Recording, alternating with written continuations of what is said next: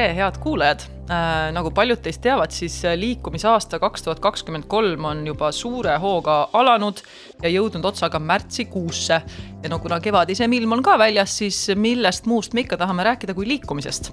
muidugi me sisimas loodame, et tegelikult liikumine on igapäeva osa ka talvel, siis kevad on ikka see aeg, kus hakatakse sellele rohkem mõtlema. ja selleks räägimegi täna ühest konkreetsest äh, treeningvõimalusest, liikumisvõimalusest ja selleks on jõutreeningud. muidugi on neid liikumisvõimalusi erinevaid ja kõik on toredad, aga täna keskendume just sellele, räägime, kuidas alustada, kuidas ja mida planeerida, mida kindlasti mitte teha ja võib-olla purustame mõned müüdid, mis on laialt levinud.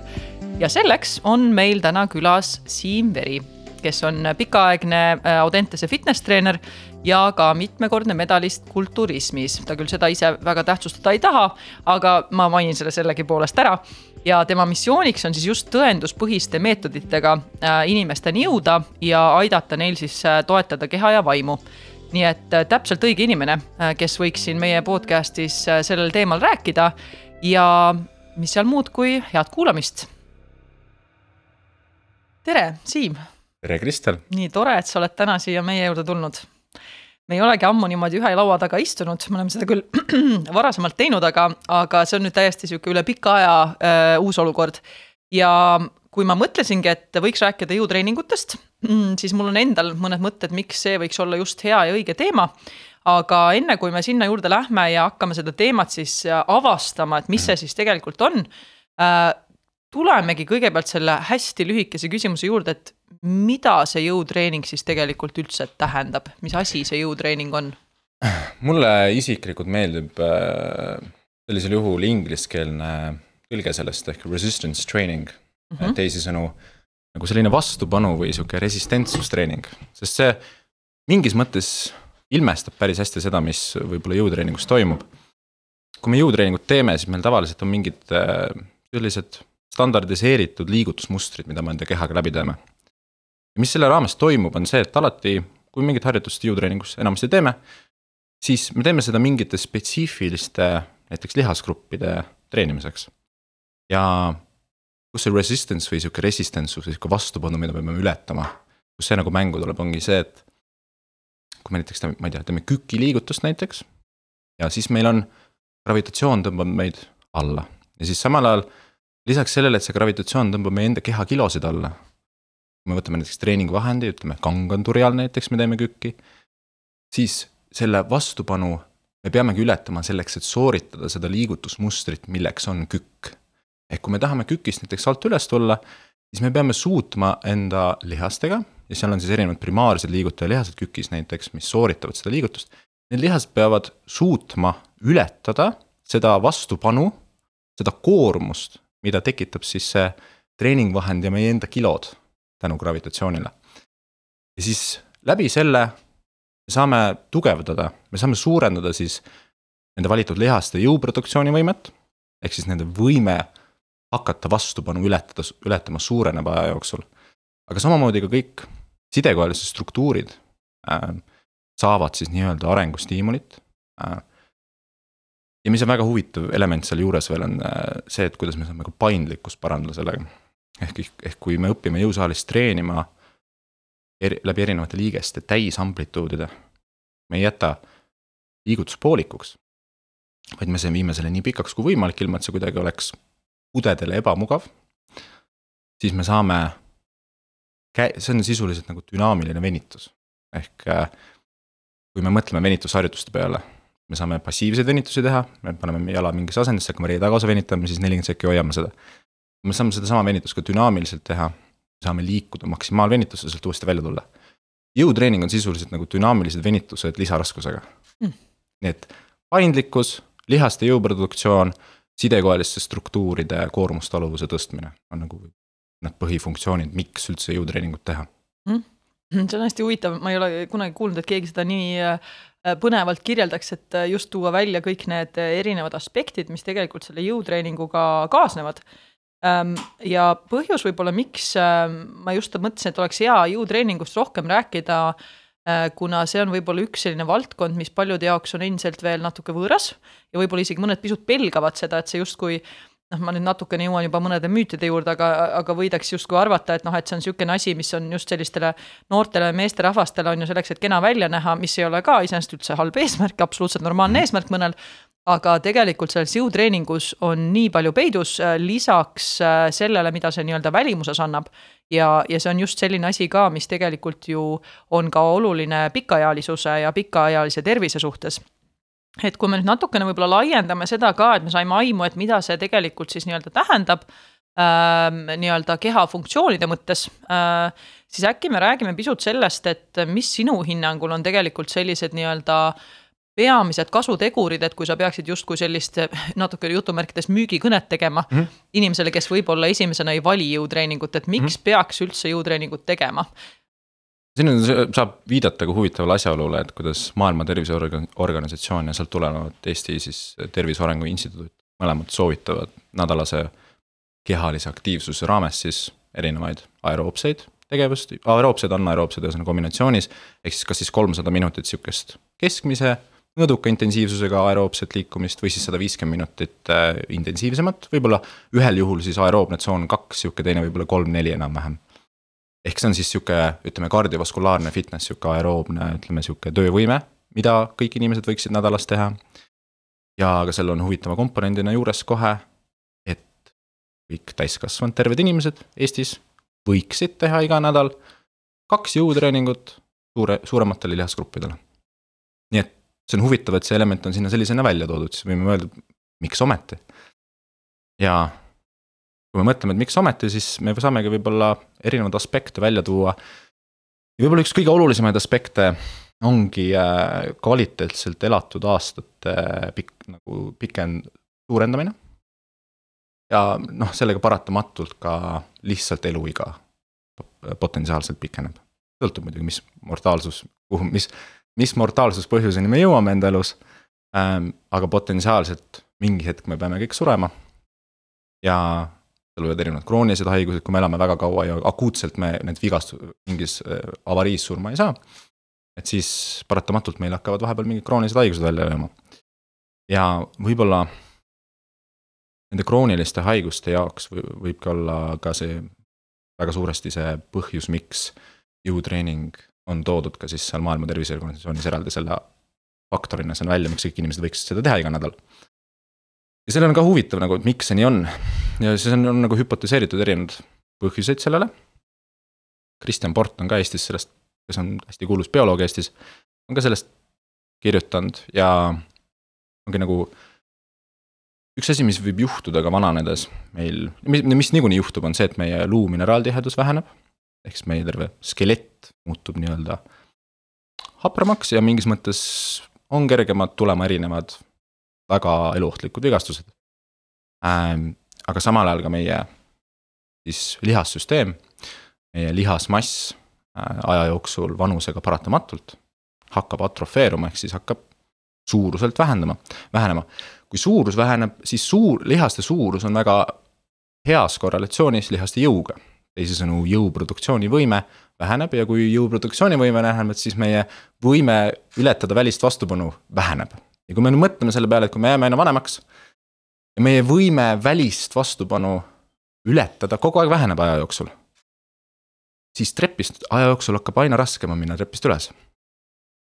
ja mis on huvitav fenomen siis, et kui trepist ülesminek hakkab muutuma ebameeldivaks. Siis psühholoogiliselt, mis inimesed teevad, on need, neile ei meeldi ebameeldivused. kui näiteks inimesele ei meeldi ja näiteks ütleme, kõndimine hakkab raskemaks muutuma, sest raskem on hakata seda välist vastupanu ületama.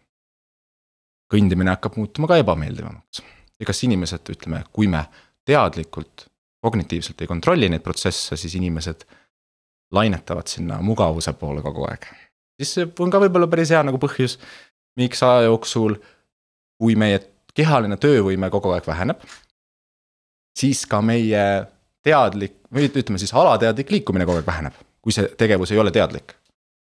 ja läbi selle veel rohkem väheneb meie kehaline töövõime. sest me, mida vähem me liigume, seda vähem anname stiimulit nendele kudedele, et nad oleksid töövõimelised. ehk see on sihuke nõiaring, mis põhimõtteliselt tahab inimest ära tappa.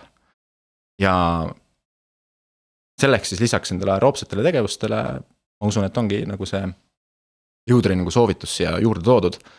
Et me hoiaksime meie luumineraaltiheduse kõrgel, et kui me näiteks oleme üle kuuekümne aastased ja kukume puusa peale näiteks.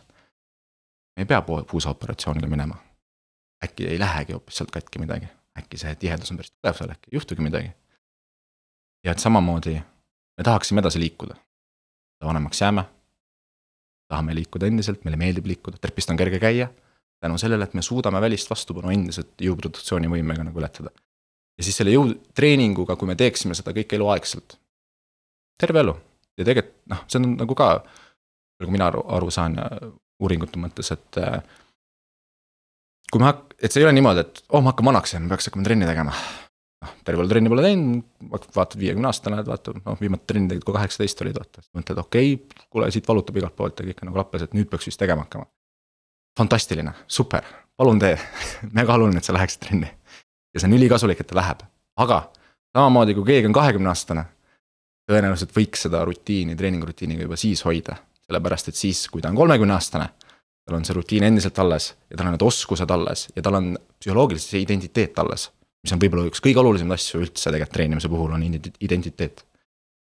ja siis, kui ta on neljakümne aastane, siis tal on ikka see identiteet olemas, see harjumus on endiselt alles, äh, need oskused on endiselt alles, ehk ta on, siis ta on viiekümne aastane, ehk ta terve aeg suudab hoida skeleti tervist, lihaskonna tervist Äh, ja samal ajal bioloogiliselt seda identiteeti, et see on tema isiksuse osa.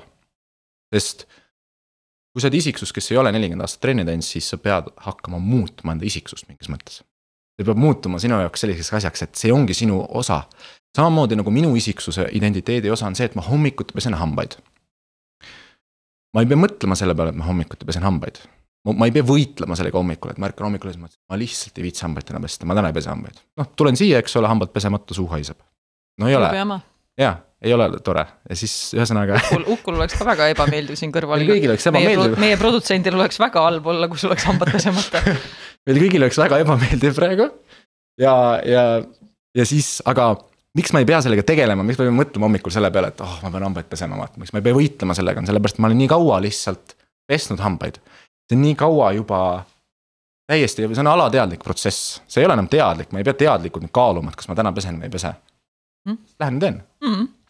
jah, nüüd me jõuame juba natukene sinna ka, et, et mis nii-öelda aitab ennast treeningute juures hoida, on ju, aga korraks minna tagasi sinna selle teema juurde, et miks üldse jõutreeninguid teha. Ja, ja siin sa tõid päris palju nagu olulisi aspekte välja ja äh, tulles tagasi selle juurde, et me tahaks, mõtleks pikaeal- äh,, pikaealisuse peale ja just selle peale, et see pikaealisus ei oleks lihtsalt ajaliselt, et me eksisteerime kauem, vaid see, et me eksisteerime hästi kauem.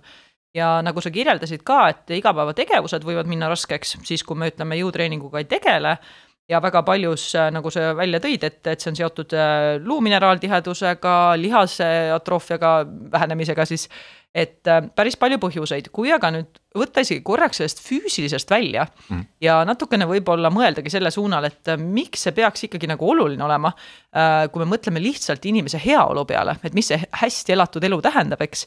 ja, ja ikkagi väga palju seostatakse seda ja siin ma ootakski sinu arvamust, aga, aga mida ma kuulnud olen, et just vanas eas ka on tegelikult oluline, et sa saaksid teha neid asju, mis sulle pakuvad head tunnet üks nendest arvatavasti paljude puhul on see, et nad saavad mängida oma lastelastega mm.. see, et nad saavad nendega koos võib-olla mänguplatsil midagi teha, võib-olla nad saavad tõsta enda last mm. kuskile, redeli peale või kuskile.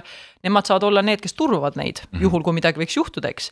ja, ja noh, kuni sihukeste väikeste asjadeni välja, et sa saad poest oma toidu tuua ja ütleme, kõik siuksed lihtsad asjad, eks ja, ja kui ma mõtlen psühholoogiliselt toon nagu selle poole sisse, siis tegelikult inimestes tekitab head tunnet see, kui nad tunnevad, et nad saavad mingite asjadega hakkama enda elus ja noh, nagu sa tõid välja, siis väga palju on tegelikult seotud just sellest äh, tegelikult jõuga, milline jõud sul tegelikult vanas eas on mm, -hmm. et teha neid asju, mida sa tahad teha, mis sulle mm -hmm. head meelt teevad. pluss siis see, et sa lihtsalt tunned, et sa saad hakkama.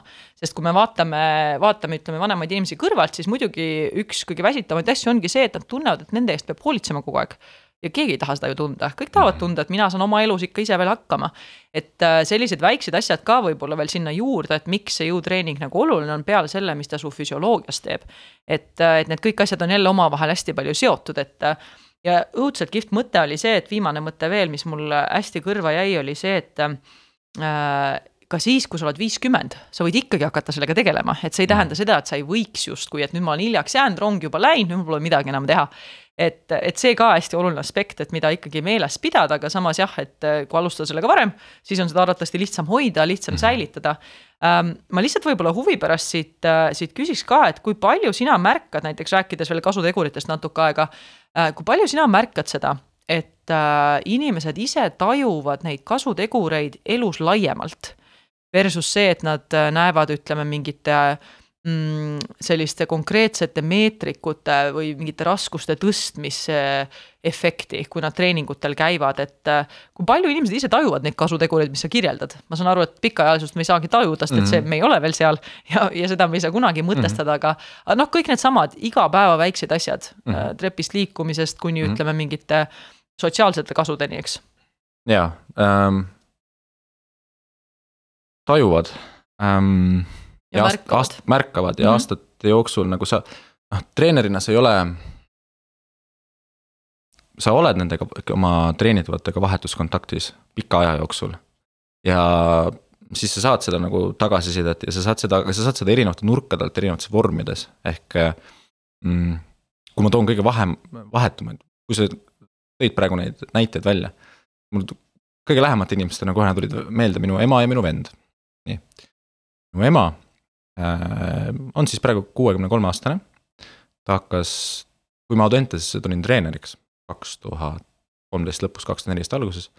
täpselt ei mäleta, millal ma ta jõusaali sain sinna esimest korda, ma arvan, et oli kaks tuhat neliteist või kaks tuhat viisteist, midagi sihukest, et suht kohe varsti ma sain ta siia Audentesesse jõusaali ka. mille läbi sa said, ma küsin kohe selle ära äh,. müügitöö, no needsamad asjad põhimõtteliselt okay., ja et äh, aga noh, paratamatult tal pidi endal olema sihuke seal kindlasti perekonna nagu lähedus, nagu see lähedane inimene, kes nagu seda sulle toetusena nagu välja toob, see kindlasti mängib ka väga palju rolli, siis on nagu väga sihuke vahetu kontakt olemas ähm,.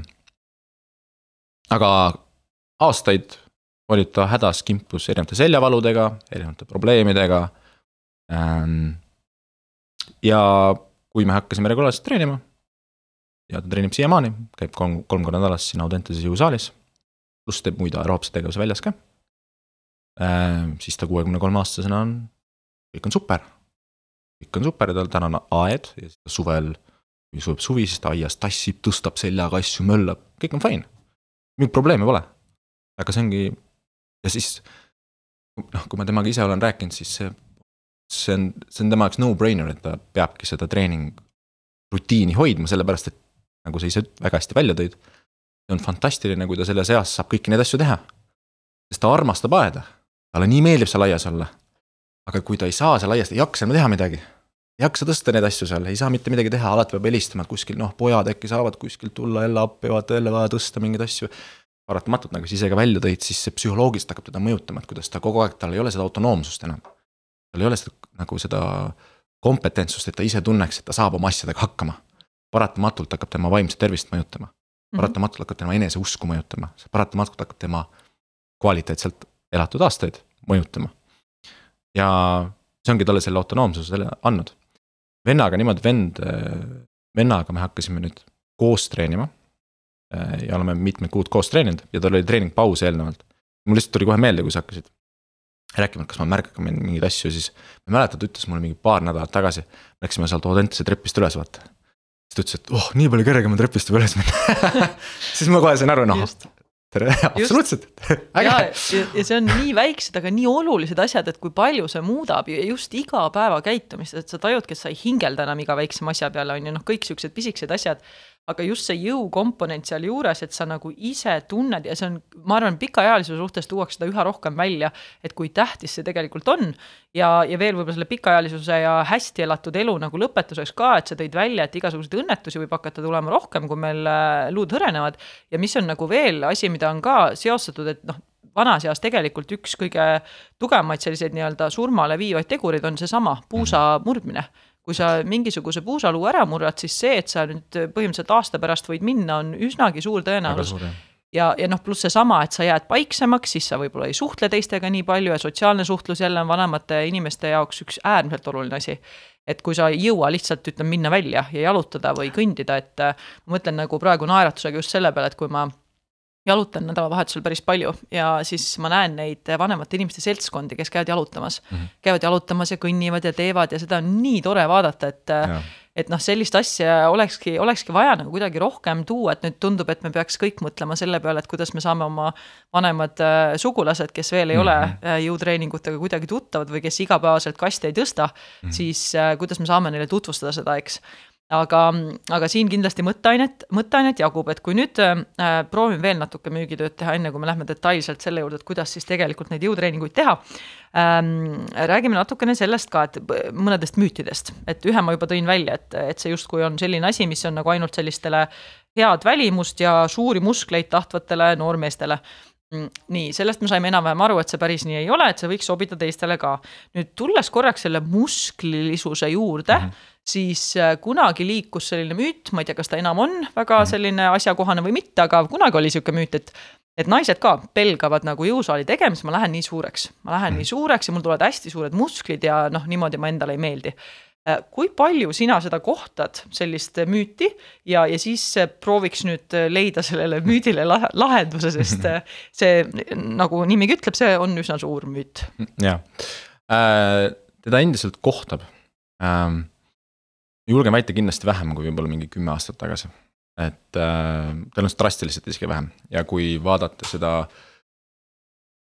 soolist jaotumist jõusaalis käijate osas, see on tõenäoliselt viimase võib-olla kahekümne või kolmekümne aastaga drastiliselt muutunud.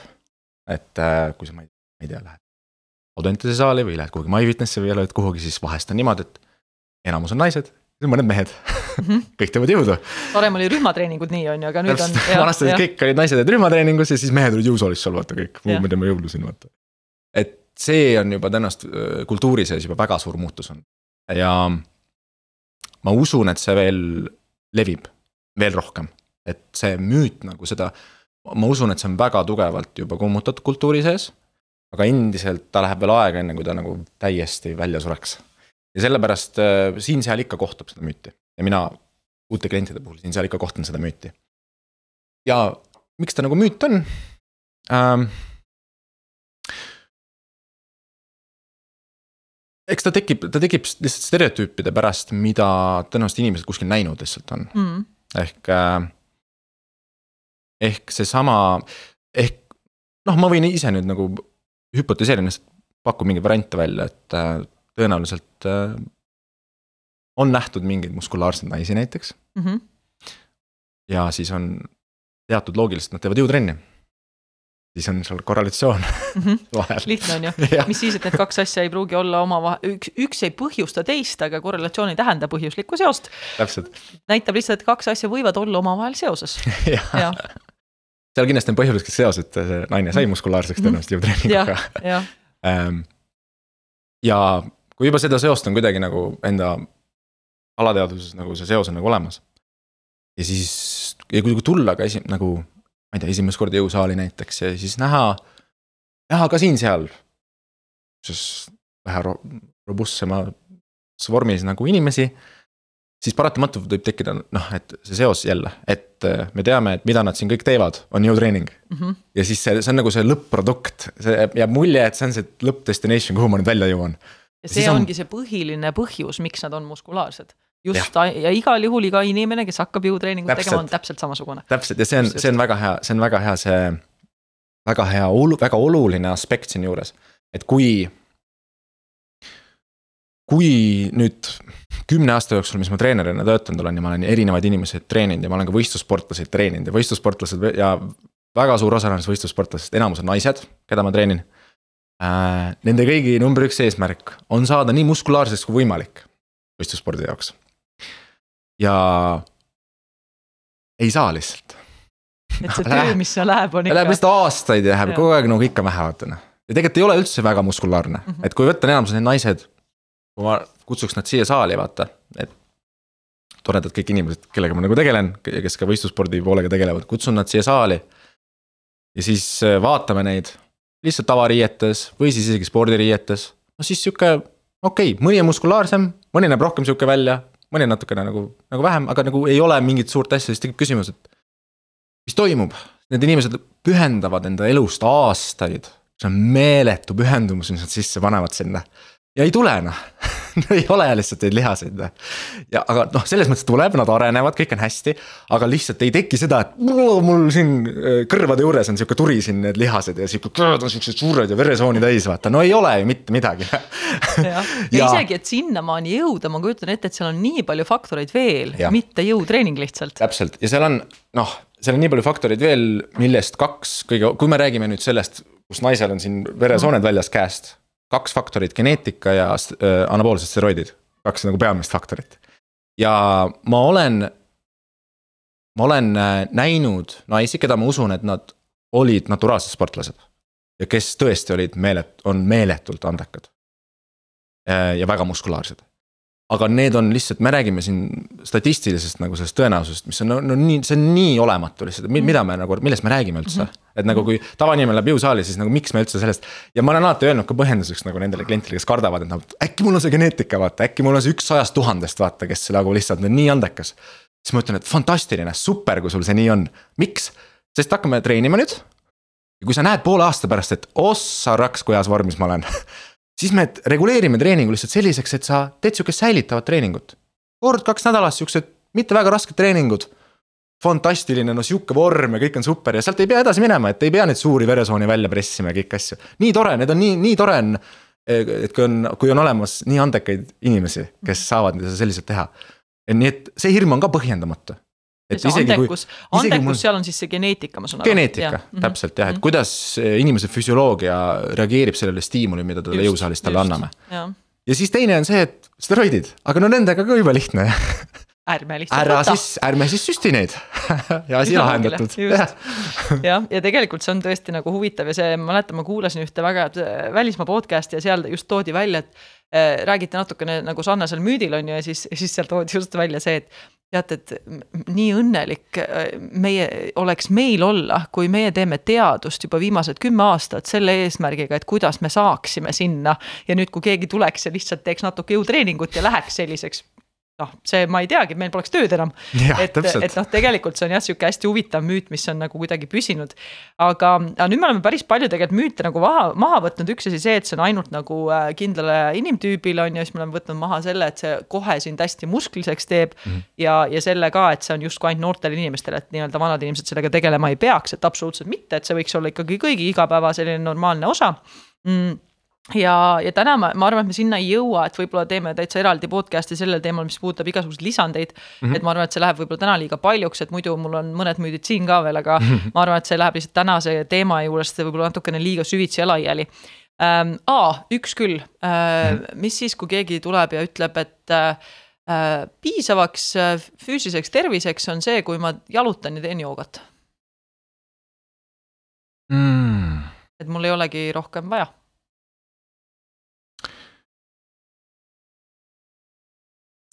ma ütleks võib-olla niimoodi, et okei okay,, joogaga on see, et kui ta on edasi, edasi jõudnud joogas. üks väike asi veel, ma absoluutselt ei jäta muljet, et jooga oleks halb asi, absoluutselt mitte, jooga on väga tore, jalutamine on väga tore, aga just see, et ainult nendest. ainult nendest, ma ütleks niimoodi, et esiteks.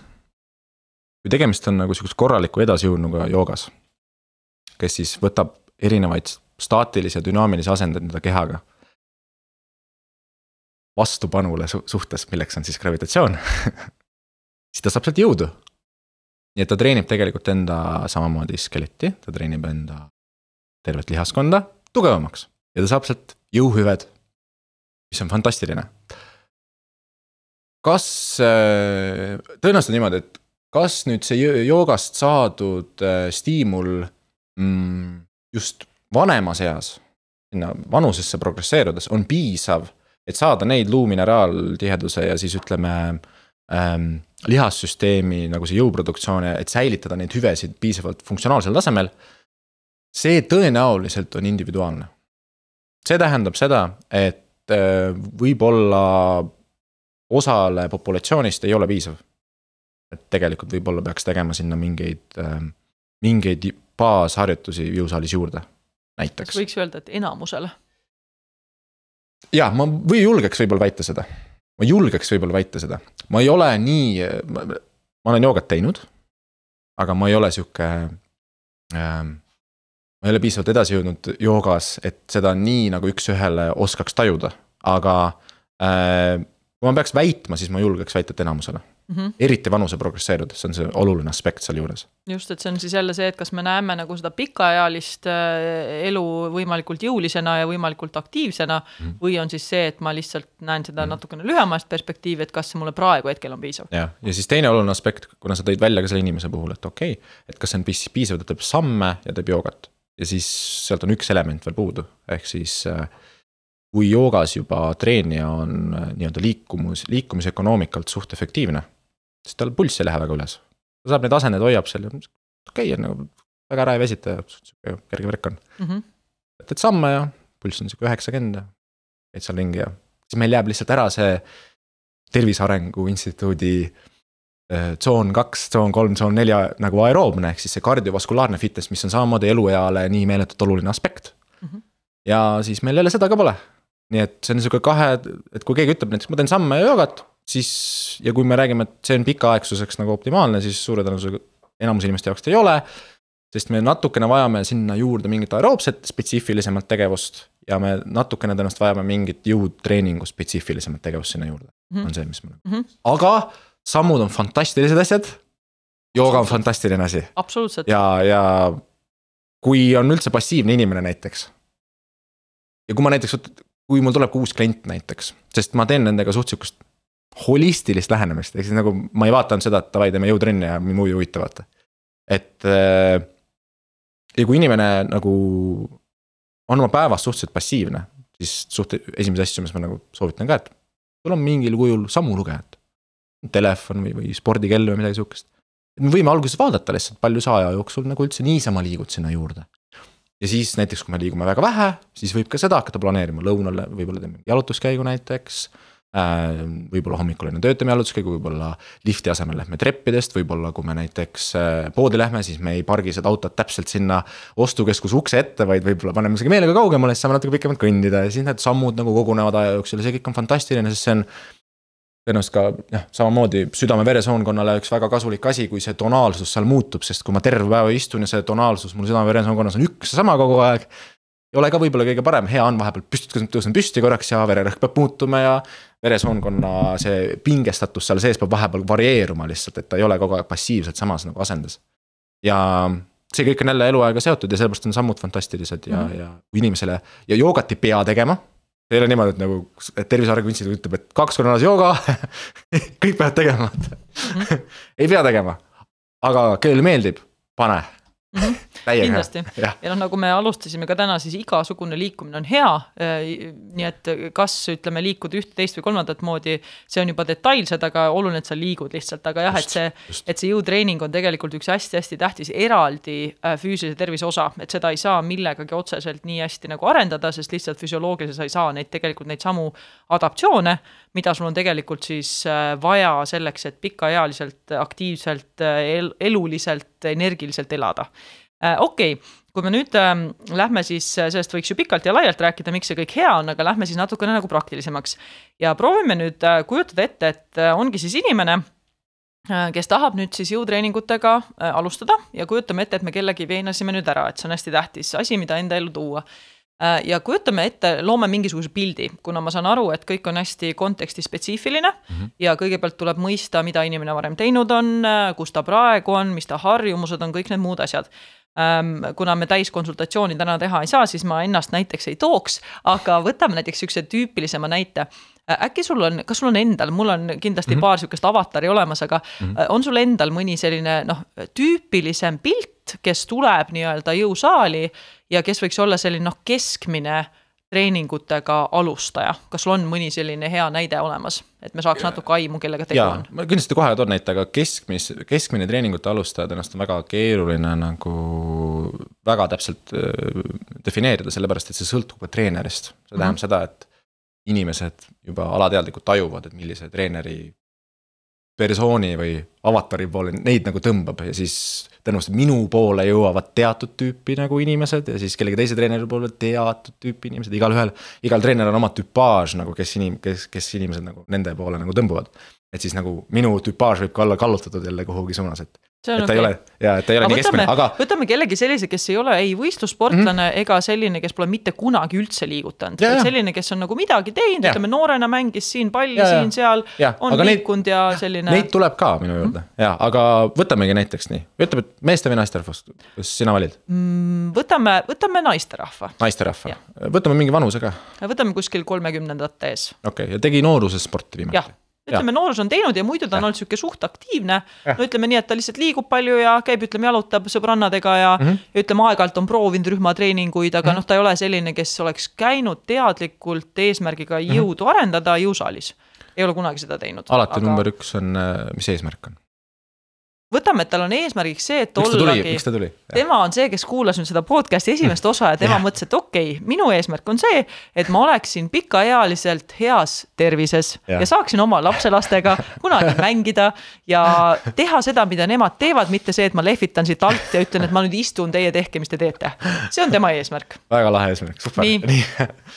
fantastiline. ja ta on siis ütleme noorena teinud mingeid, ütleme, kujutame ette, et ta on teinud noorena veel mingeid siukseid regulaarseid sporte ka, käis erinevates treeningutes. tuttav. väga lihtne. kui ma kõigepealt tausta ära tal uurin, vaata, siis mm -hmm. noh, ma kõigepealt uurin tal tausta, mis tal erinevad nagu, mis tal kehamass näiteks on mm -hmm. ja, ja mis tal need liikumisharjumused erinevad on olnud mm -hmm. ja mis tal võib-olla ka mingid haigused või piirangud või vigastused mingid on minevikust. Need asjad uurin ära, ütleme, et seal on nagu enam-vähem kõik kuidagi tavapärane või korras, ütleme niimoodi, onju. siis on väga lihtne, ta pole varem jõusaali teinud, selge. Lähme jõusaali, aga teeme nii, et tal on äh, kaetud see, et ta teeb näiteks äh, üks kord nädalas teeb mingit rühmatreeningut mm. -hmm. ja ühe korra teeb kardiot. mis Jaa, iganes see on, jooksmine, suusatamine, midagi sellist. fantastiline siis meil on seal juba olemas. niikuinii ma laseks tal alguses ka natukene nagu sammulugejaga vaadata, palju seda muud liikumist tuleb, siis ma. mida ma kasutan oma klientidega on see, et ma summeerin neil nädala jooksul need, kes nagu. Need, kes öö, oma liikumist nagu siis arvestavad eh, metaboolse ekvivalendi järgi. Ehk siis tegevuse metaboolne ekvivalent, selle järgi ma nagu summeerin nädalas nende liikumist tegelikult, enam-vähem vaatan, mis neil liikumine on. mis see tähendab, tähendab seda, et lihtsalt on võimalik summeerida neid samme ja võrrelda neid mingi aeroobse tegevuse mahuga ja mis kokkuvõttes see umbes nädalas nagu annab mm. -hmm., ümmarguselt, ühesõnaga. ja mm, äh, sellega on siis, saab vaadata siis, et kui ta kombineerib nüüd näiteks mingit rühmatreeningut, kus äh,. oleneb, mis rühmatreening on. tantsib. tantsib, super, noh siis on sihuke aeroobne töö, ühesõnaga. vastupidavusliku töövõime nagu parandamine seal suuresti. ja saame sihukese tõenäoliselt suhteliselt kõrge pulssiga töö sealt kätte. teatud juba mahus tund aega näiteks juba suht kõrge pulss, keskmine pulss on vabalt võib tal olla seal sada viiskümmend võib-olla või sada nelikümmend midagi sihukest, kui suht hea andmine käib. see on fantastiline, me saame seal juba tsoon sihuke kolm tsoon seal tsoon neljal, ühesõnaga seal vahemikus saame juba sihukest korralikult intensiivset tööd. Ära kaota oma mõtet ära, korraks tõlgime, kuna kuulajatel me ei tea, kui palju inimesed teavad tsoonidest, et hästi lühidalt. Ähm, sa räägid tsoonidest, et jah. mis sa nendega mõtled? see on lihtsalt äh, intensiivsus, teisisõnu äh, selle tegevuse intensiivsus, et äh, mm, kui koormav ta vastupidavuslikult meie organismile on ja siis äh, kõige lihtsam viis, kuidas seda kehareaktsiooni mõõta, ongi südamelõõga sagedus. et kuidas südamelõõga sagedus tegevusele reageerib.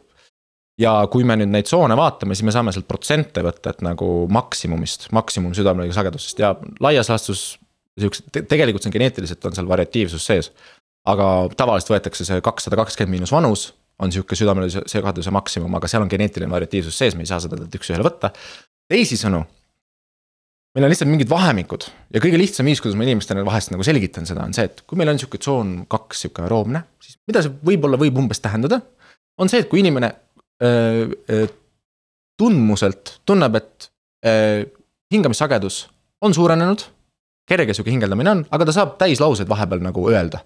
et ta saab vahepeal öelda, et korra hingab, aga siis ta natuke saab rääkida, siis natuke nagu hingab. aga see hingamissagedus ei ole selline, et ja siis ma teen seda seal, ühesõnaga, et see hingamissagedus ei ole nii intensiivne, nii sagedus ei ole nii üles läinud, sest meil hingamissagedus on ka nagu seoses südamelõõga sagedusega jälle, me saame neid kahte natukene nagu mm -hmm. omavahel võrrelda. ja võib-olla sihuke tsoon kolm-neli on see, kus meil läheb, nagu see intensiivsus selliseks mm, -hmm. et nagu, aga rääkimine muutub pigem raskeks. Jah, nii et kaks on siis see, kus sa põhimõtteliselt saad natuke rääkida, aga see on Jah. ebamugav. ta on ebamugav, vahepeal pead hingama ikkagi, aga sa saad ikkagi rääkida seda, see ei ole päris nagu sihuke absurdne, et üldse vestlust ei tule välja, vaata. Mhm. no umbes niimoodi, Mhm. nii, see on siis see aeroobne töö seal, mis ta teeb, eks ole. Äh, teine tegevus, mis ta tegi, sa ütlesid, et ta tegi äh, rühmatreening. kas rühmatreening ja siis ta kas näiteks jookseb, suusatab, teeb midagi sihukest nädala, nädalavahetusel? no siis ütleme, jookseb, suusatab, suure tõenäosusega saab ta selle pulsi jälle sinna natukene kõrgemaks mm. -hmm. mis tähendab seda, et me võtame nüüd Tervise Arengu Instituudi soovitused jälle, et kas ta siis nii-öelda aeroobse tööna peaks siis saama kas sada viiskümmend minutit kõrgemat sihukest intensiivsust või kolmsada minutit sihukest mõõdukat intensiivsust. siis, kui tal on juba tund aega mingit seda suusatamist, tund aega tantsus on sada kakskümmend minutit juba, tegelikult see sada viiskümmend minutit saab kohe täis.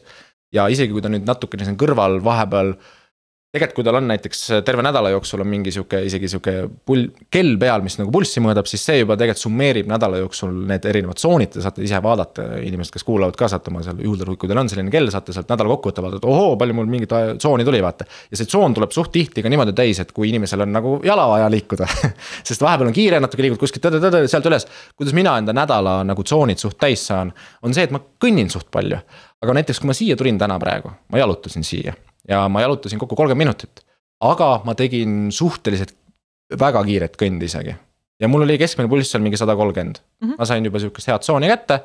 ja ma ei pea kuskil masina peal midagi tegema, ehk siis tegelikult nagu see tuleb suhteliselt okeid suht kiiresti kokku ja nende kahe tegevusega võime juba eeldada, et kui ta nagu veits samme ka juurde teeb, siis tal on see vastupidavuslik pool on kõik juba.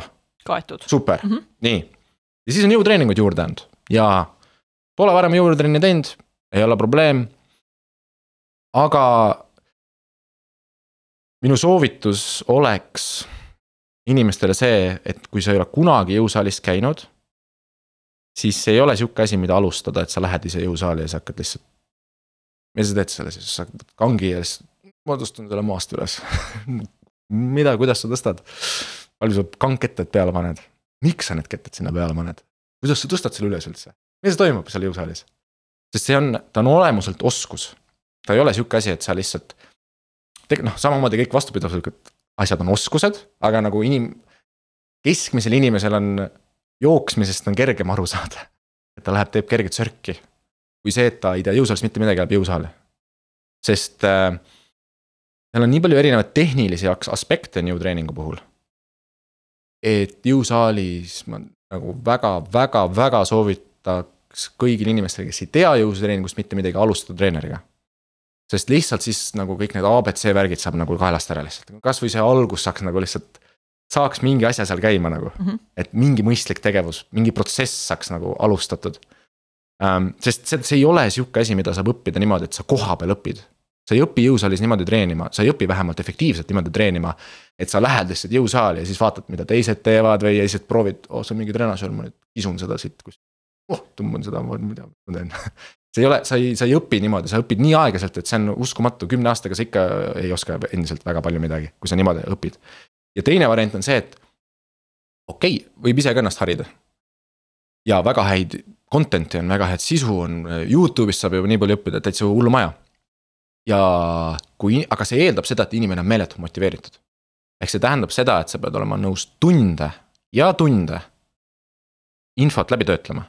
et üldse aru saada erinevate infoallikate nagu sellest äh, väärtusest mm. -hmm. sellepärast, et sa võid sealt Youtube'ist ka sattuda video peale, mis sulle ei ole kõige aktuaalsem ja kõige parem. ja see tegelikult ei sobi sulle, aga kuna sa ei tea konteksti, siis sa rakendad vale metoodikat enda peal ja see on ikka mingis mõttes võib halb sulle olla. ja sellepärast sa pead viiskümmend tundi võib-olla sihukest süvatööd alguses panustama, võib-olla rohkem ja, ja vestlema erinevate inimestega, kes sul tuttavad on ja kes tunnevad treenereid ja. ühesõnaga, sa, see on sihuke sada tundi tööd võib-olla, süvatööd Versus see, et sa teed mõned personaaltreeningud treeneriga. noh, kui me kasvõi nagu finantsiliselt seda nagu võrdleme, siis see sada tundi süvatööd võib-olla oleks võinud teha mingit valdkonda, milles sa juba hea oled ja see oleks sul viinud kuhu iganes ja need mõned personaaltreeningud ei ole mitte midagi võrreldes sellega. nii et selles mõttes äh, soovitaks igal juhul, kui inimesel ei ole mingit fanaatilist soovi, et ma tahan nüüd saada sellest jõhkraks spetsialistiks. Äh, ja lihtsalt sadu tunde sinna panustada õppimisse siis alustada lihtsalt treeneriga, sest see päästab lihtsalt, see võtab kõik selle, selle mure seal alguses ära. müüdud, alustame nii, ja nüüd, kuidas see umbes välja näeb? jah, no näiteks. ma olen nüüd kaardistanud selle inimese ära, eks ole. lepime aja kokku, saame saalis kokku. ja ma hakkan sellele inimesele lihtsalt õpetama baasliigutusmustreid. Ja põhimõtteliselt vahet ei ole, iga treener alustab, kus kohast ta tahab alustada kliendiga. mulle meeldib võtta kohe mingi hästi kõige suurem baasliigutus põhimõtteliselt ja põhimõtteliselt iga kliendiga, kes ei tea mitte midagi jõutreeningust, ma põhimõtteliselt alustan kükki tegemisest. Lähen sinna. Ähm, miks see on hea harjutus? see põhjus, miks ma sellest võib-olla alustan, aga see jälle, et seal ei ole väga suurt erinevust, aga põhjus, miks ma alustan, on see, et ta pigem on äh, motoorikas keerulisem harjutus. võrreldes sellega, et sa lähed mingi treenažööri peale ja fikseeritud amplituudis liigutad midagi äh,. ja hea on, kui inimene on värske pea on, ei ole veel infot täis, sellepärast et paratamatult, kui ma näiteks tund aega olen inimesega saalis, siis väga suure osa selle ajast ma räägin selle inimesega. ma pean talle rääkima konteksti, mis, miks me teeme mingeid asju kuidagi ja mis need põhimõtted on ja. siis paratamatult selle tunni aja jooksul läheb talle pea sisse nii palju erinevat infot. Ja paratamatult see comprehension või see, kui palju ta talletab sellest infost, ei ole. midagi pole teha, noh, see on sama nagu sa lähed ülikoolis loengusse ja siis tuled sealt ära ja osa, kümme prossa jääb meelde mm. -hmm. see on hästi jah, see on väga hea, see on väga hea tase. ja siis paratamatult kliendiga jõusaalis on samamoodi.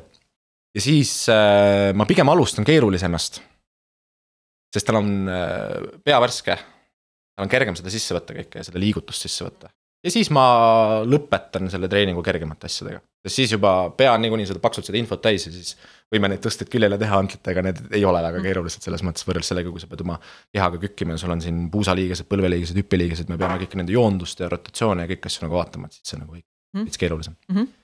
aga jah, põhimõtteliselt näiteks alustan sellest baasliigutu-, baasliigutusest ja. kas, kui äh, maalida siia veel nagu juurde, et see on nagu sa ütlesid ka, et see sulle meeldib, on ju see baasliigutus.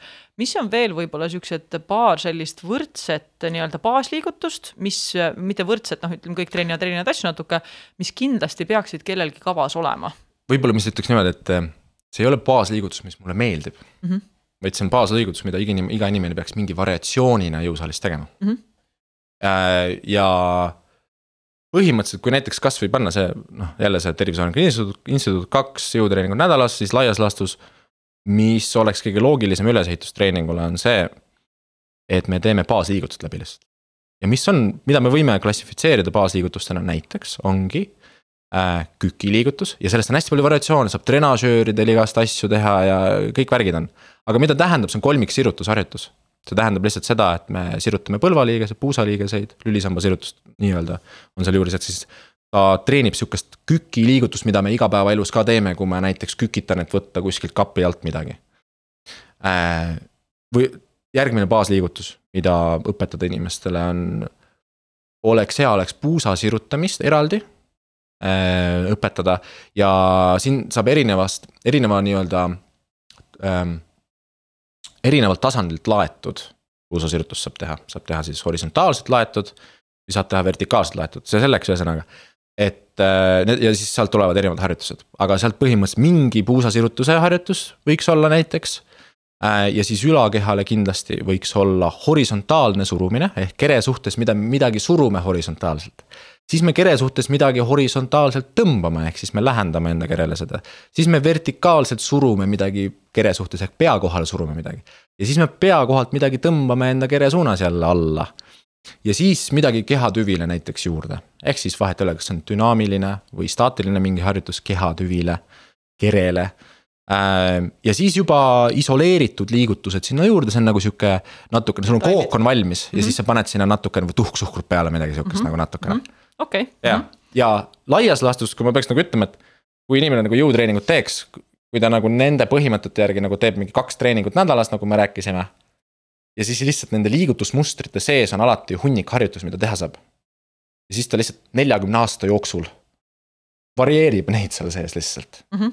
siis on terve jõutreeningu mure lahendatud. okei okay., nüüd kui, kui kujutadagi ette, et okei okay,, et tal on kaks treeningut nädalas, kas äh, on siin erisust näiteks, et ta teeb ühel päeval, ta teeb mingid kindlad asjad, noh, kunagi oli ju see ülakeha versus alakeha, nüüd ma olen aru saanud, et tänapäeval on väga palju rohkem liigutud sinnapoole, et äh, sõltuvalt jälle eripäradest, aga kui inimese eesmärk on lihtsalt üldine äh, tervis, et siis ta teeks ühe treeningu jooksul ikkagi läbi need kõik asjad mm. -hmm. kui ta on, ütleme, mingisuguste konkreetsete eesmärkidega lihase arendamise, kasvatamise suunal, siis kes teeb rohkem trenne kui kaks korda mm -hmm. nädalas, et siis arvatavasti võib see jaotuda.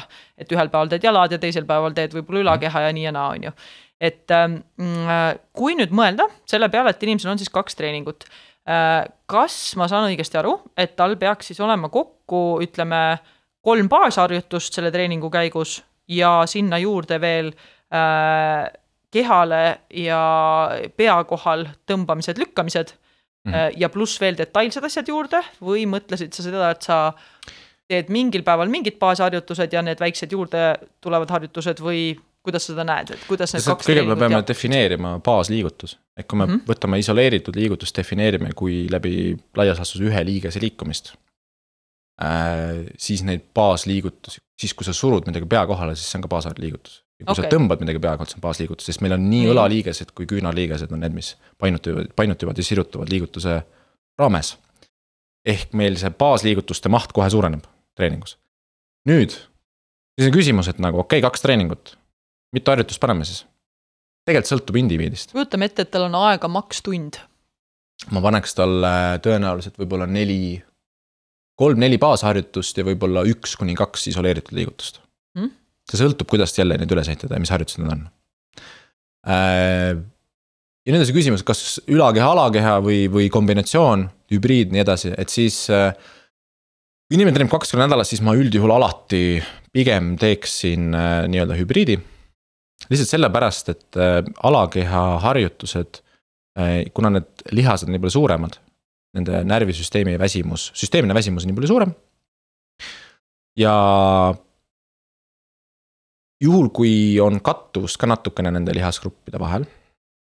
ehk siis nende harjut-, nende harjutust, jah, nende harjutuste näiteks vahel.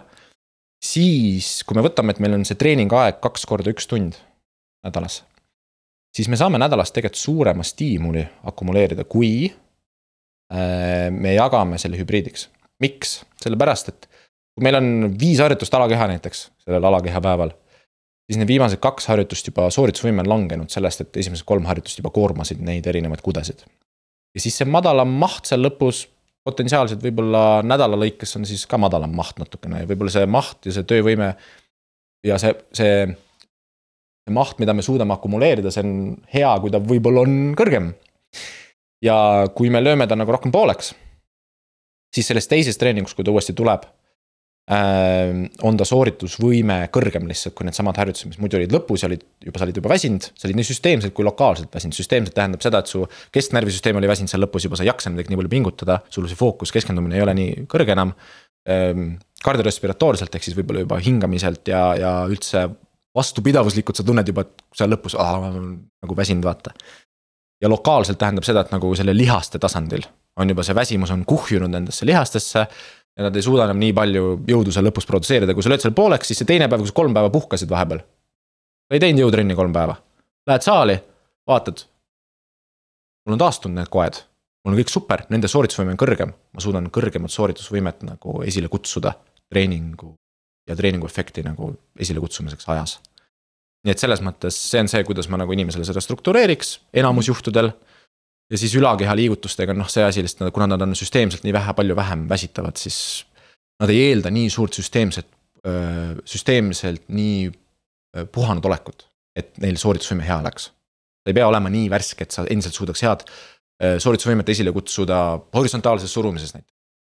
ei, see liigutus, see kude on nii palju väiksem ja see närvisüsteemi ähm, osalus on nii palju väiksem lihtsalt selles mm. -hmm et. et ütleme sellise, selle eesmärgiga, et kui ma tahan nagu pikaealisust äh,, pikaajalist tervist ja sellist, nagu meil see eesmärk oli, et tahaks nagu pikaajaliselt olla terve, energiline ja piisavalt jõuline enda tegevustes, igapäevategevustes, siis põhimõtteliselt kaks korda nädalas tund aega on okei okay Fant-, täiesti fantastiline. Mhm. okei, ja seal selles ühes tunnis on siis ütleme kolm kuni neli baasharjutust pluss siis üks kuni kaks lisaharjutust ja siis see keretüve treenimine. näiteks mingi kehatüve mm -hmm. siis oli suur, see võib ka okay. üks isoleeritud liigutusest eh, nagu asemel olla näiteks. okei okay. -hmm. ja siis sa tõid välja selle olulise asja, millest ma kindlasti tahaks ka veel täna rääkida, puhkus. et eh, kui nüüd mõelda nädala lõikes, et kuidas võiks inimene mõelda, et need kaks treeningut nii-öelda siis ära eh, mahutada sinna nädalasse, kuidas seda planeerida ja kas on ka mingeid eripärasid aja osas päevas? juhul, kui inimesel on võimalus, muidugi inimestel ei pruugi olla võimalust, mõnedel on ainult Mhm. õhtune aeg, mõnedel on ainult hommikune aeg, on ju. aga kujutame ette, et tal on mingid Mhm. võimalused sättida. nii palju, kui mina nagu seda, selle uurimist ka tean, siis äh, see ei ole väga oluline faktor, see päevaaeg. tähtis on nagu aklimatiseerumine, tähtis on see, et kuhu sa oled kohanenud treenima. ja seal võib olla teatud individuaalne aspekt endiselt juures. et äh, võib-olla, kui sa hakkad, sunnid ennast hommikuti treenima enne tööd, vara, siis alguses on niikuinii jõhkralt raske, kui sa ei ole seda kunagi teinud. sest sa vähendad enda uneaega ja sa kutsud esile enda ööpäeva rütmis siis raske füüsilise tegevuse otse peale ärkamist, mida sa pole võib-olla kunagi teinud oma elus. ja sellepärast enamus inimestel, kes nüüd lambist hakkavad mingi kuus kolmkümmend enne kaheksa kolmkümmend kontorisse jõudmist mingit jõutrenni ära tegema. siis see võib võtta päris palju aega, enne kui kohanemine on selliseks muutunud, et ta tunneb, et ülinormaalne. ja võib-olla oluline aspekt veel, et kui ta hakkab näiteks enne tööd planeerib, nüüd, nüüd ma olen nii kaua vend, vaata, et nüüd ma nüüd hakkan seal e- enne tööd seda ära tegema. siis peab terve nädala unerütm muutuma see ei ole niimoodi, et nüüd need kaks päeva, kui ma nüüd jõutrenni teen, et siis ma nüüd ärkan kaks tundi varem. ma magan kaks tundi vähem, vaata. no super, siis magasid viis tundi nendel kahel päeval, see ei ole väga tervislik. et äh, siis peab võtma selle otsuse vastu, teadliku otsuse vastu, et nüüd, et ülejäänud viis päeva nädalas, kus ma ei tee jõutrenni, ma ärkan ka kuus kolmkümmend või viis kolmkümmend näiteks. see on hästi oluline aspekt, kui inimene seda planeerib näiteks.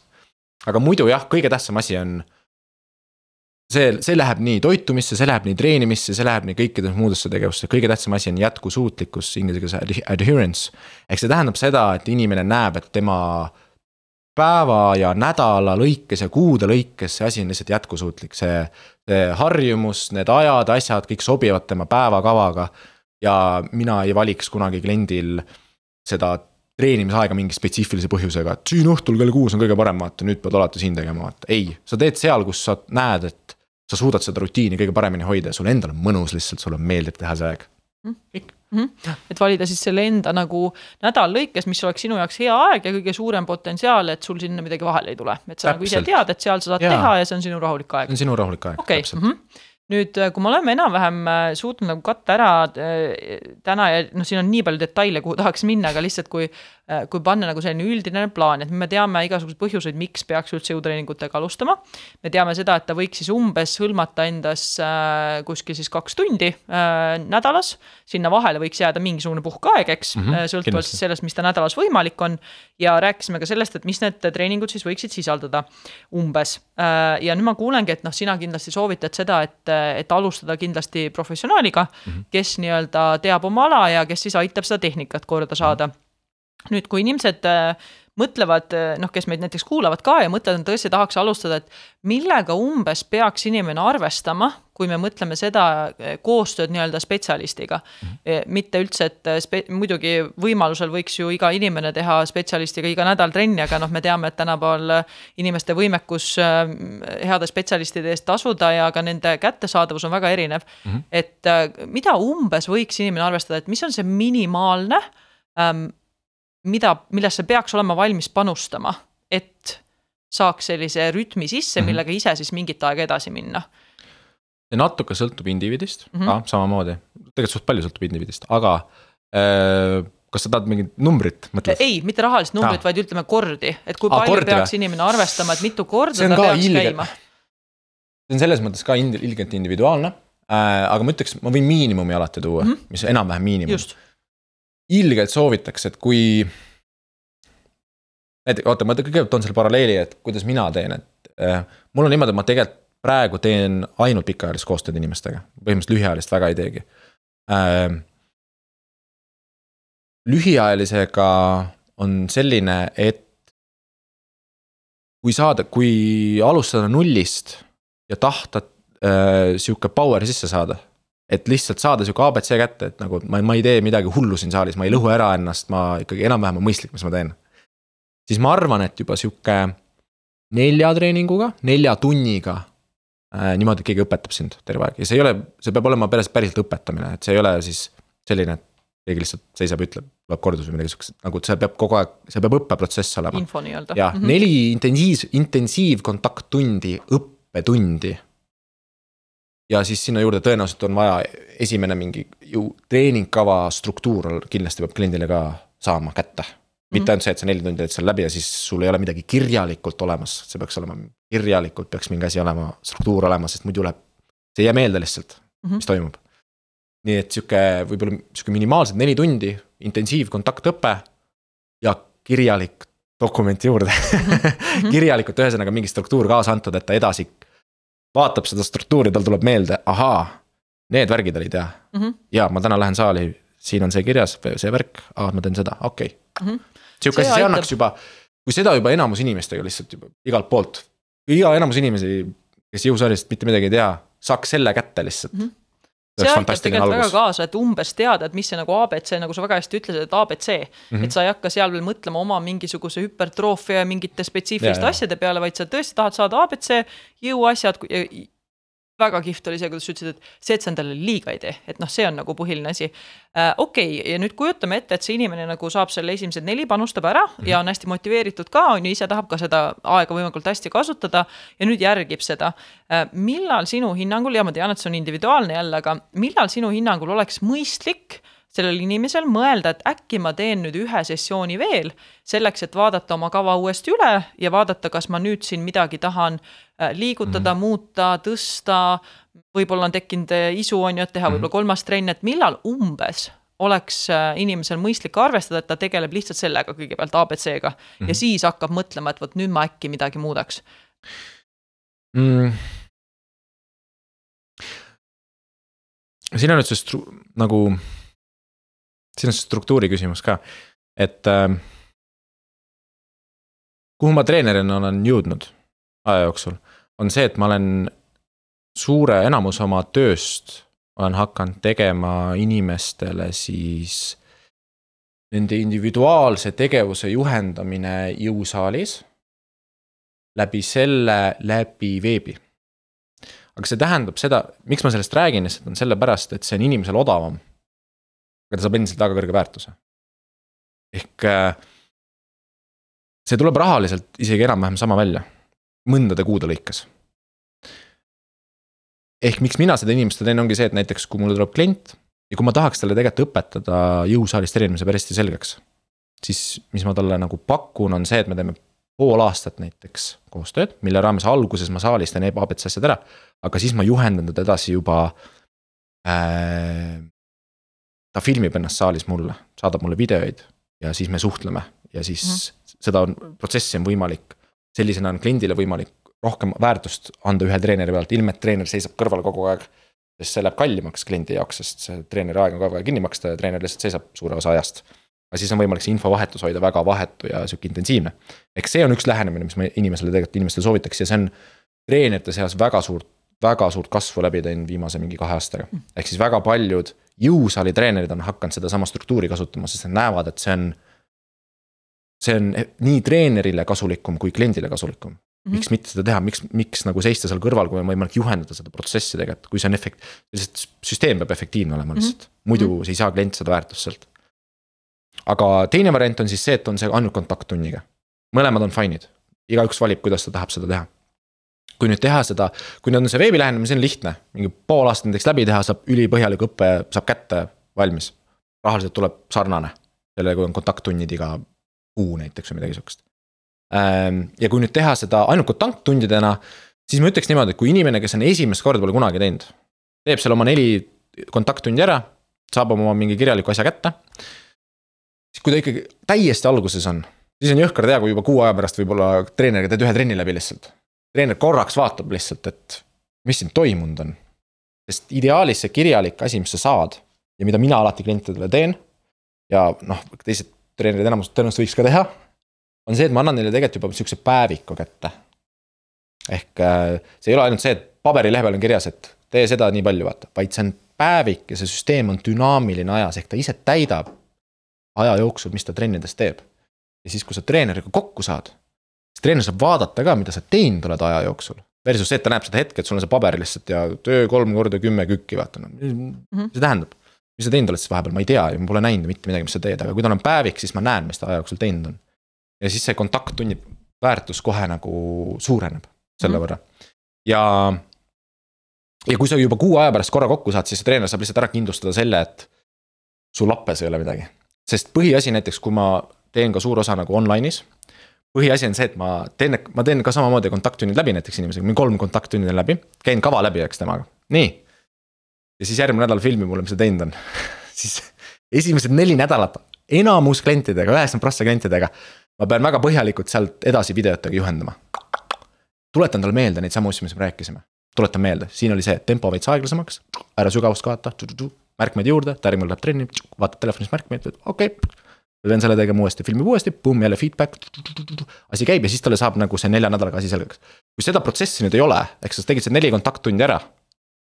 ja nüüd sa oled täiesti nagu üksi siis neli nädalat teed, siis on hea tõenäosus, et vahepeal mingid asjad, sest sa oled esimest korda, sa ei saa midagi teha, vaata, ununevad mingid asjad, mingid asjad lähevad kiiremaks, põrkad kuskilt välja, teed mingeid asju äh,. siis on hea, kui tegelikult juba tõenäoliselt kuu aja pärast keegi korraks vaataks, et kas sa oled hakanud sealt hüppama ja möllama ja igast asju tegema nendes liigutuste sees lihtsalt mm. -hmm. Kui sa oled juba kaks aastat teinud, siis tõenäoliselt ei ole vaja kohe kuu aja pärast peale seda, siis, siis võib juba niimoodi olla näiteks, et kui on ainult see kontakttunni lähenemine Äh, siis on täitsa, täitsa niimoodi võib-olla, et kui on juba kaks aastat inimene treeninud ja treener ka näeb juba, et okei okay,, et päris nagu sihuke efektiivne süsteem on juba sellel inim-, et ta juba tajub, saab juba liigusmustritest aru, suudab neid aja jooksul säilitada. sest oluline osa jõusaali treeningust on see, et kui me treenime aja jooksul ja kui me progresseerume ja meie sooritusvõime kasvab jõusaalis, me saame paremaks, me saame paremasse vormi, me saame tugevamaks. siis oluline osa miks mina oma kliente jälgin kogu aeg pingsalt iga nädal, nende tegevusi, ongi sellepärast, et ma jälgin seda, et kui nad lähevad paremaks numbrilis, kvantitatiivselt arenevad. siis mina pean kvali-, kvalitatiivselt vaatama, et mis need liigutused teevad. et kas see tehnika on enam-vähem sta-, standardne, kas me saame võrrelda selle liigutuse kvaliteeti sellega, mis ta varem oli. Sest mis võib juhtuda lihtsalt ja mis juhtub väga paljudel treeneritel jõusaalis on see, et isegi kui inimene nagu isegi kui inimene paneb kirja, mis ta jõusaalis teeb, siis ta ikka mõtleb, et nagu vahepeal noh, paneme veits juurde, vaata, hakkab nagu paremaks minema, vaata, lähen, lähen tugevamaks, vaata, äge. et siis paratamatult, mis aja jooksul kipub juhtuma, on see, et kvaliteet väheneb, kui kvantiteet suureneb. mis tähendab seda, et see liigutus tegelikult hakkab, kompensatsioon hakkab juurde tulema. ehk siis erinevad lihasgrupid hakkavad kaasa aitama sellele liigutusele. Äh, ja läbi selle me arvame, et me oleme tugevamad, sest me panime kirja suurema numbri, hantel oli suurem, kange oli rohkem täiskettaid, trenažööril plokk oli raskem, mõtled, ma arenen nii hästi siis tegelikult vaatad, et ma tegelikult võib-olla ei arenegi väga palju, sellepärast et iga kord, kui ma juurde panen, siis iga kord minu närvisüsteem reguleerib selle liigutuse ökonoomsemaks, teisisõnu toob sisse seda musta liigutust rohkem, et see lihtsalt asi liiguks lihtsalt üles-alla. ja siis nagu see, see on see oht, mis nagu kõigil on jõusaalis treenides mm, -hmm. et ühesõnaga erinevad lähenemised. Ja tõenäoliselt, kui on täiesti algaja, siis ma soovitaks selle kontakttunni teha juba kuu aega hiljem korra üle vaadata ja siis võib-olla kuu aega peale seda, kui näiteks kava muuta või midagi sihukest. Mm, -hmm. midagi sihukest või siis on veebilähenemine, mis on väga levinud täna juba see on väga huvitav, sest näiteks mina seda üldse ei teadnud, noh kunagi ise oled ju teinud, ütleme mingisugust jõusaali treeningut, siis praegu ka teed nii-öelda jutumärkides vana rasva pealt on ju, et need, mis sa tead, tehnikat sa tead, et eh, nende järgi paned nagu ise midagi kokku, aga aga see on väga kihvt, et eh, tänapäeval on niisugune võimalus olemas ja, ja noh, ma loodangi, et et inimestel sai siit täna ja jällegi ma väga hea meelega läheks nagu mõnes teises episoodis veel rohkem detaile, et tegelikult kuidas nagu neid korduseid valida, on ju, sa tõid, sa tõid lõpus ühe hästi olulise asja minu arust välja, et et see, et sa raskust tõsta saad, ei mm. tähenda alati seda, et sa arened. Et Absolut. see on väga tähtis asi, et saada lahti jälle sellest ühest müüdist umbes, et ma pean panema hullult suured raskused peale, siis ma olen nagu äge jõusaali hunt, on ju. et tegelikult see ikkagi kõige tähtsam on see, mis su keha teeb ja, ja vahepeal võib olla väiksema raskega, väiksema raskusega väga hästi tehtud sooritus, palju parem sinu täpselt. tervise ja sinu lihaskonna suhtes, kui see, et sa teed hästi suure raskusega niimoodi, tirid seda üles, et. ja ta on jätkusuutlikum just ülekoormusvigastuste mõttes, sest jõusaalis ei saa, akuutseid vigastusi väga pole minimaalselt, no sa pead ikka täiesti crazy't midagi tegema, et sa jõusaalis mingi rinnalihase kõõlus ära tõmbaks või põlvest mm -hmm. mingid raksud läbi käiksid, ühesõnaga sa pead hull olema põhimõtteliselt, sa pead ja. nagu. või peab täi-, nii teadmatuses olema ja kahjuks on ka vahest inimesi, kes panevad kakssada kilo kangile ja tal ei ole asja sinna alla ja siis nagu vaatad ja aga siis alati, kui keegi on saalis, kes teab, siis ta läheb, jookseb teda päästma mm. -hmm. jookseb selles mõttes päästma, ütleb, et palun ära tee seda, vaata see on nii ohtlik, mis sa teed. aga tavaliselt akuutseid asju ei ole, on ülekoormusvigastused, ehk need on pikaajalised kroonilised ülekoormused ja need kroonilised ülekoormused tahavadki tulla siis, kui me hakkame raskust, seda koormust tähtsustama rohkem kui kvalit-, liigutuse kvaliteeti. niipea, kui hakkab see kvantiteet meie jaoks oluliseks muutuma ka kvaliteet, siis me teame, et me mängime selles, seda mängu, kus kohas. miks mul see küünarliiges juba kaks kuud valutab, tead, põlv on siit juba valutab ja siis kõige hullem on see, et kultuuri vahest, jõusaalikultuuri on nagu. rohkem vanakooli lähenemises on see sisse immandunud, et see ongi normaalne. oh, sa oled kümme aastat jõusaalis käinud, no loomulikult õlaga pead opile varsti minema, see on normaalselt, käib asja juurde see on absurd, see on täiesti absurd, tegelikult jõutreening, kui seda. see on absurdne ja, olukord, et nõus. Äh, jõutreening on sihuke asi, mida peaks saama nagu seitsekümmend aastat teha ilma ühegi peaaegu vigastuseta. vahest annab su keha sulle tagasisidet, et mõni kõõlus siit on natukene midagi sihukest, siis tead lihtsalt, et okei okay,, see on load management, ma pean ja nagu see. sa pead manageerima natukene seda stiimulit vahepeal, sa tead, okei okay,, siin natukene ma push isin liiga palju, ma natuke tõmban mingi nädal tagasi, vaata. ja kohe manageerid selle ära, sa ei mm. jõuagi minna sinna kroonilisse mm. ülekoormusesse ja, ja noh, ma, ma arvangi, et see tänane episood tegelikult andis väga hea nagu sellise sissejuhatuse äh, sellesse, mis võiks olla tark ja teadlik äh, jõusaalitreening. et kuidas tegelikult sellega alustada, kuidas ta umbes võiks nagu välja näha ja millega peaks arvestama ka, et kui me alustame, et sa väga hästi maalisid täna nagu pildi ette, et kui sa kellegi koostööd alustad, mida sa võiksid eeldada, mis võiks olla need koostöövariandid, kuidas seda teha, et millega inimene, kes ei ole varem sihukest asja teinud, võiks nagu arvestada ja kuhu see kõik võiks lõpuks jõuda, eks, et, et selles mõttes ma arvan, et inimesed inimesed said päris hea pildi ette. mul on ainult üks võib-olla see küsimus veel, et me alguses, miks ma nagu tahtsin valida kindlasti, et kas kes see nii-öelda avatar võiks meil olla, on ju, kui ma praegu lihtsalt sind kuulasin ja sa võid muidugi parandada kui mhm. ma eksin, mis on üsna suur tõenäosus, et ma võin eksida.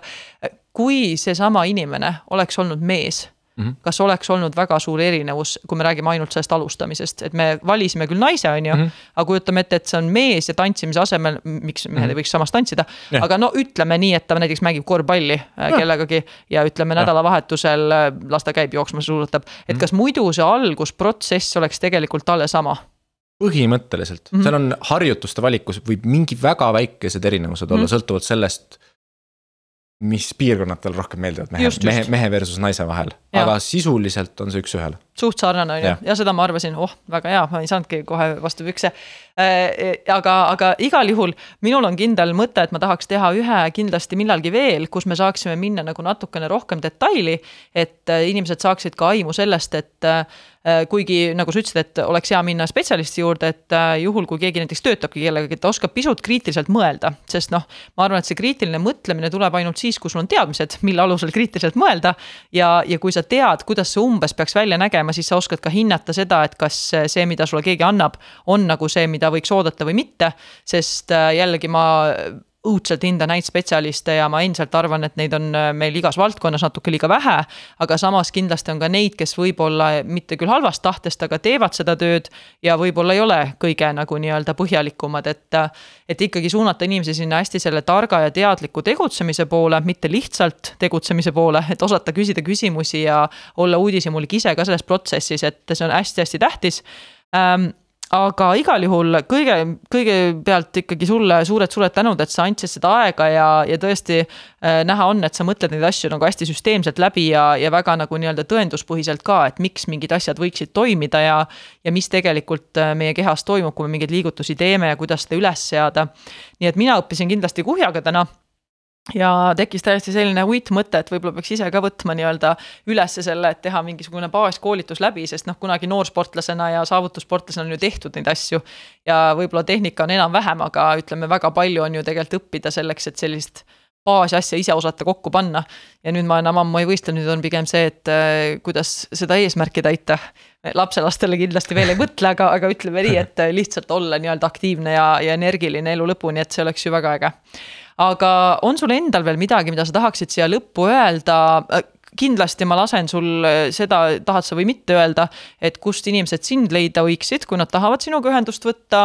Äh, kas kuskil on ka mingit kohta, kus sinu kohta saab rohkem lugeda või sinu asjadega tutvuda, seda kindlasti, äh, ilma kui ma sul lasen siit ära minna. ja, ja kui sa ise tunned, et midagi olulist sa tahaksid, et jääks kõlama sellest äh, vestlusest. esiteks aitäh, Kristel sa kutsusid, väga tore oli ja mina ka õppisin, et nende, alati nende asja rääkimi-, rääkimisel me mõlemad õpime.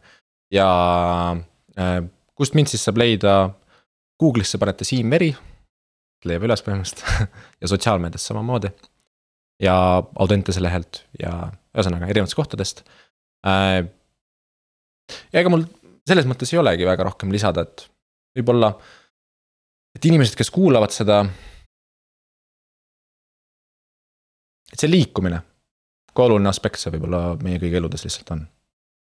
ükskõik mis kujul ja kuidas me seda integreerime. kui oluline osa ja kui lahutamatu see on meie vaimsusest. see ei, see ei ole eraldi, see ei ole see keha, kus me nagu eksisteerime, ei ole eraldi sellest mõistusest, kus me üleval oleme, need on tegelikult täi-, need on sisuliselt täielikult integreeritud asjad ja isegi kui inimene hakkab treenima, ta pole treeninud, siis muutub tema, ütleme siis nii-öelda vaimne pool. See muutub, neid ei saa eristada, need on kaks, kaks täiesti sama asja erinevad, sama mündi kaks erinevat poolt, ühesõnaga. Sellest mündist me võiks kohe pikemalt rääkida. aga hästi, jätame selle mõtte õhku ja veel kord aitäh sulle. aitäh sulle! Ja aitäh ka kuulajatele äh, ja taaskord äh, kirjutage meile äh, podcast.audentes.ee oma ideedega, tagasisidega, kindlasti oleme sellele avatud. Ja jälgige meie tegemisi audentes.ee, aitäh Thank you.